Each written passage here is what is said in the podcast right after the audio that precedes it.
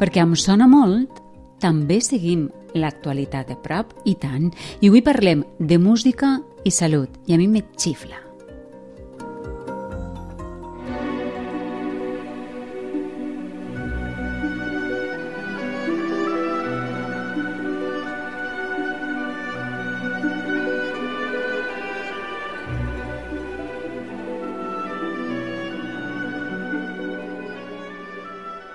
Isabel, molt bona vesprada.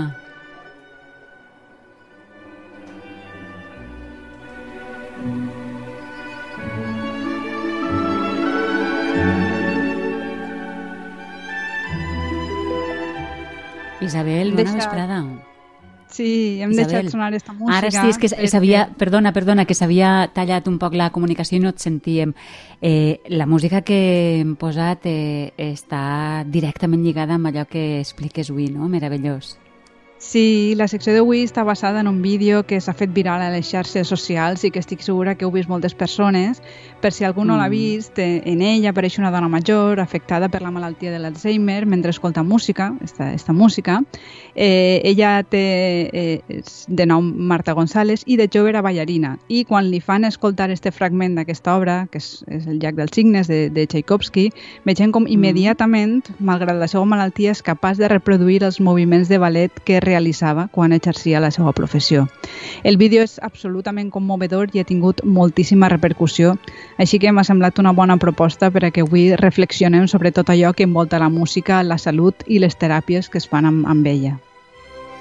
Mira, el vídeo és una de les coses més belles que he vist en els últims dies, de veritat. I només de recordar-lo, Sí.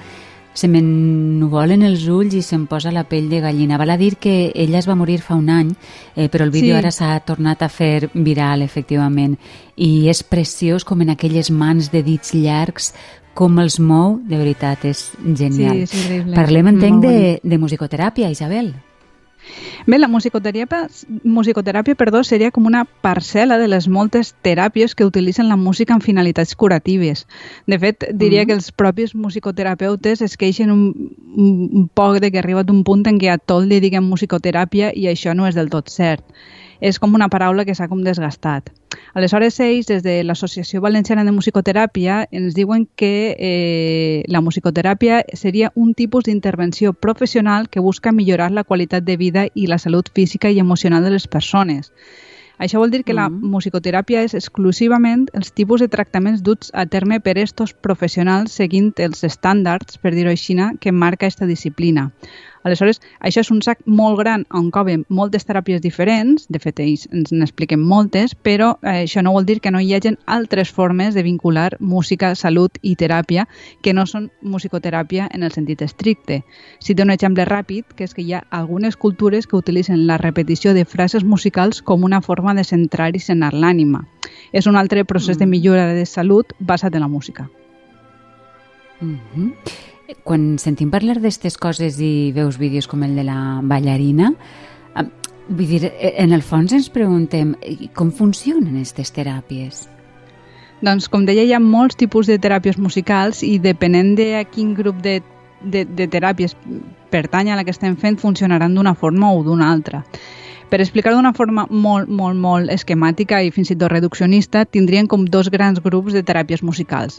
En un extrem tindríem aquelles pràctiques musicals que s'integrarien dins de l'àmbit d'allò que considerem més proper a allò ritual, a la religió, o avui en dia, fins i tot en la nostra cultura, diríem que serien part d'allò que formarien part d'allò que anomenem formes de vida alternatives.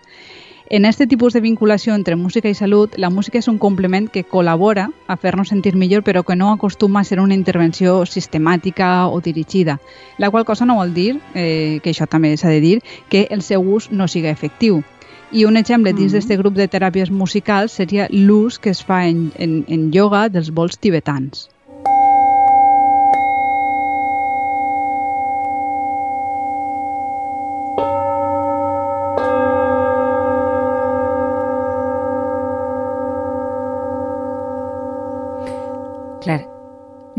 Hi ha com una vibració que jo entenc que això, mm, no sé, farà algun, alguna cosa dins del cos, no és com l'om, no?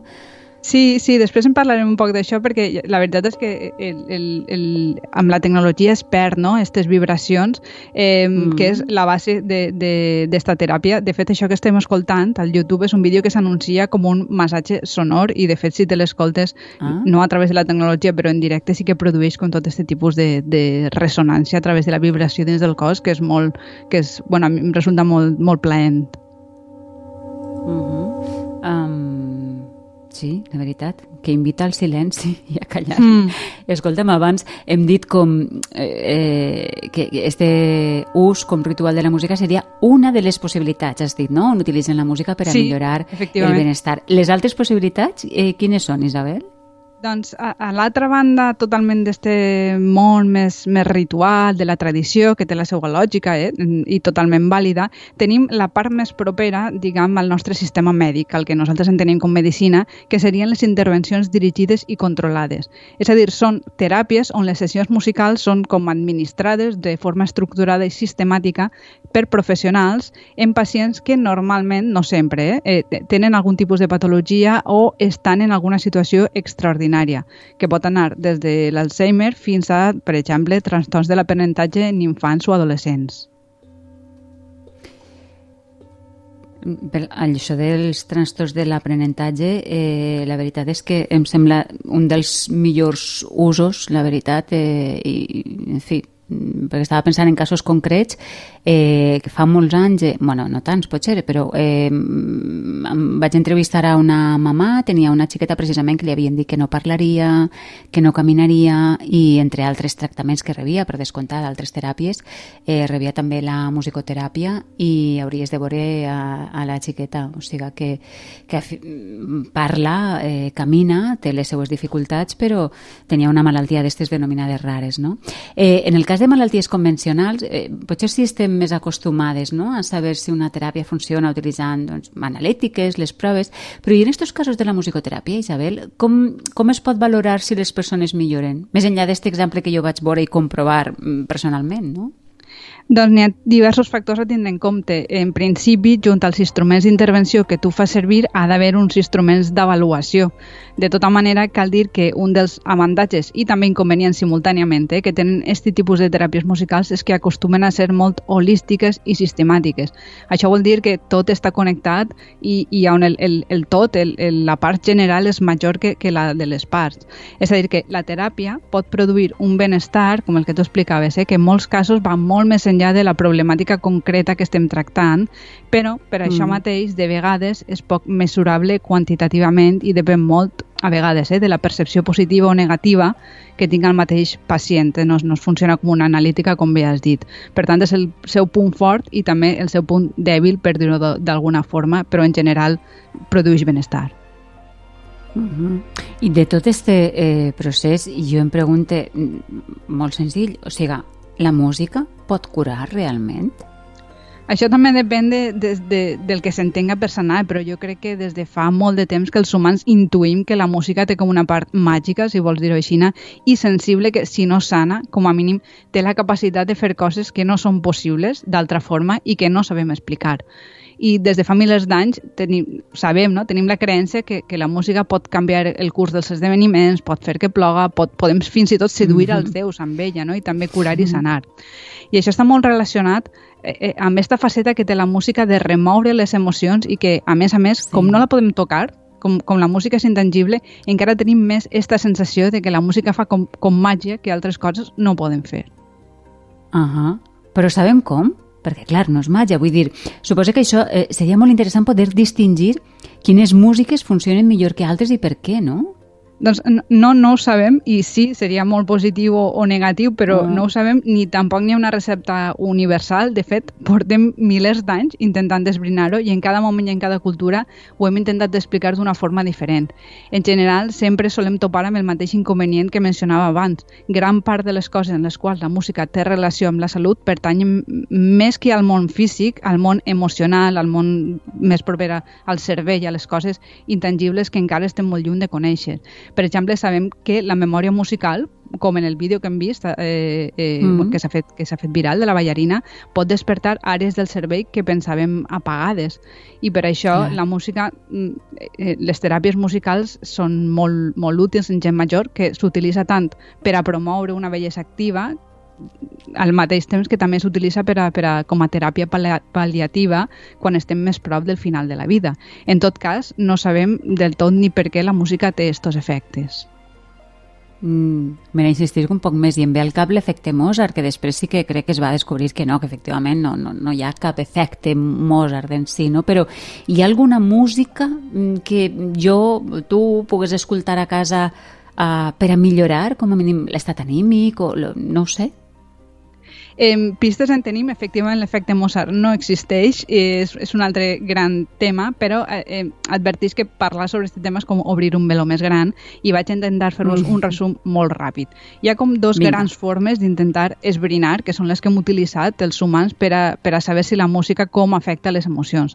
La primera ja n'hem parlat un poc, que és de tipus més físic, que és esta que és a través de les vibracions, que és eh, sí. algunes cultures, com els budistes, creuen que la creació i funcionament que regula el món, tot el món, es basa com en una espècie de vibracions de sons fonamentals, greus, que vibren d'una forma molt característica. Aleshores, es podem utilitzar per a millorar el nostre benestar perquè realment eh, funcionen com el món, no? d'una forma regular i d'una forma harmònica, per dir-ho així.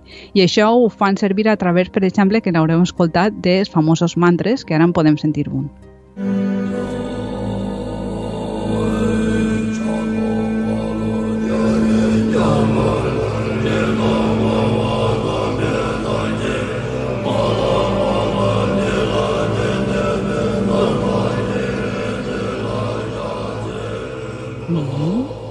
És el, el OM a què feia referència jo abans, que és més, és més complex, no és un nom i prou. Jo el que he fet és OM, però uh, n'hi ha més llargs, no? OM, NAM, OM, sí. Surubem, NAM, OM. Sí, sí, hi ha tota una filosofia entorn d'aquestes vibracions vitals que no només passa en el budisme, sinó, per exemple, en l'hinduisme també, per exemple, de, de Bali, de les illes de Bali, eh, tenen una cosa que s'anomena Ombak, L'ombak és una vibració que es produeix quan afinem els, els instruments, els seus instruments eh, característics, d'una forma que creem una vibració en els sons que, és com, que ells consideren que és com l'ànima de la música.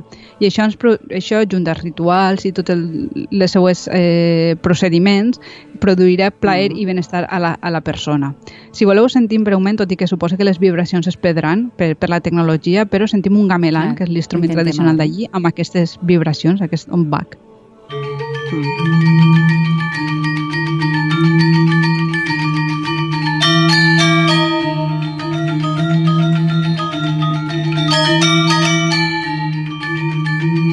Jo crec que una mica sí que es percep, no? A veure, no tant com si mm, sí. estiguem sentint en directe, però sí que es pot percebre, no? Sí, sí que es percep, sí que s'arriba a percebre, sí.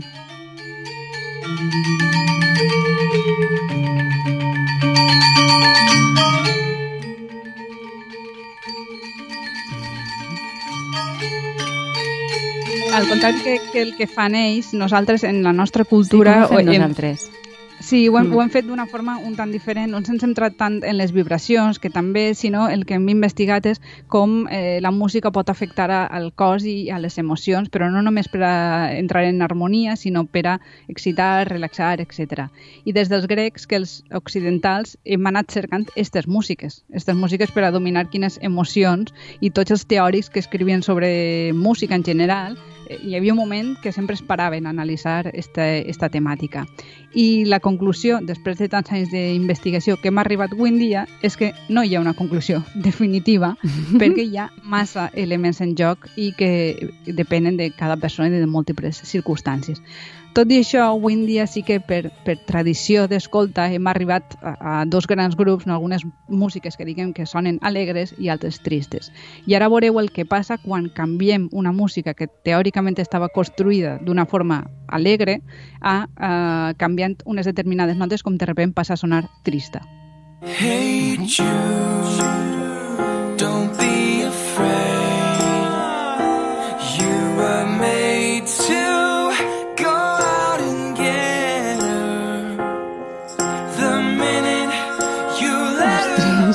Quin canvi, Isabel. Sona molt trista Sí. la cançó dels Beatles, així. Sí, sí, doncs en realitat s'han canviat unes notes i els acords associats a elles.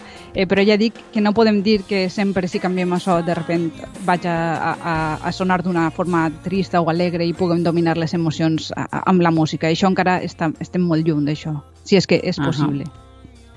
Bé, aleshores, eh, jo torno a fer la pregunta. Són realment els efectius dels tractaments musicals? Eh, té una resposta molt àmplia, el que sí que és cert és que no els hem inventat nosaltres, mm, ve de molt antic i, i no només en, costu en costums del món de la tradició, sinó que a vegades també eh, en, en els llibres de medicina es considerava, per exemple, el mal d'amor, es considerava una, una, una malaltia, no un embruixe, sinó una malaltia. I per al mal d'amor, per allà per al segle XVI, es recomanava que allò més sa era cantar. Ah, Per a curar-lo. No sé si ve d'allí eh, la dita de qui canta el mal espanta.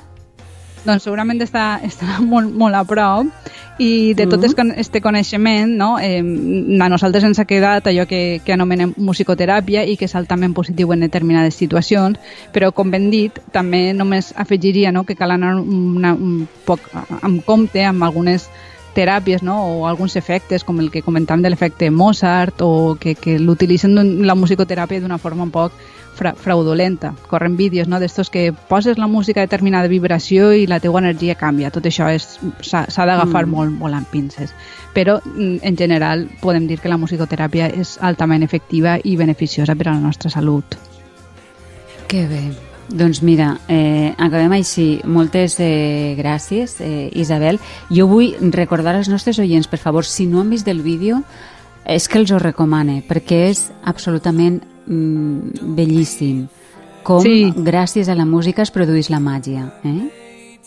Sí, totalment, totalment. En recomanem la, la visió i, i, i seguir de prop eh, com, com avancem en este, en este camp. Efectivament, perquè la música és la banda sonora de la vida, ho diuen i sembla que així és. Mira, i aprofita els últims segons per a reivindicar el paper dels músics. S'estan suspenent moltíssims concerts i ho estan passant malament, i el que ells fan és art que acompanya la vida i que fins i tot, sense tindre proves fefaent, fefaents, la sana, com hem vist amb aquest vídeo viral que els recomane. Isabel Ferrer, gràcies, fins la setmana que ve. Gràcies a vosaltres, fins la setmana vinent. Adeu, adeu. O diuen també que la música és amor buscant paraules. No ho sé. Diuen tantes coses que el millor que podem fer és acabar amb música. Gràcies per haver-ho fet possible un dia més. Tornem demà en pròxima parada.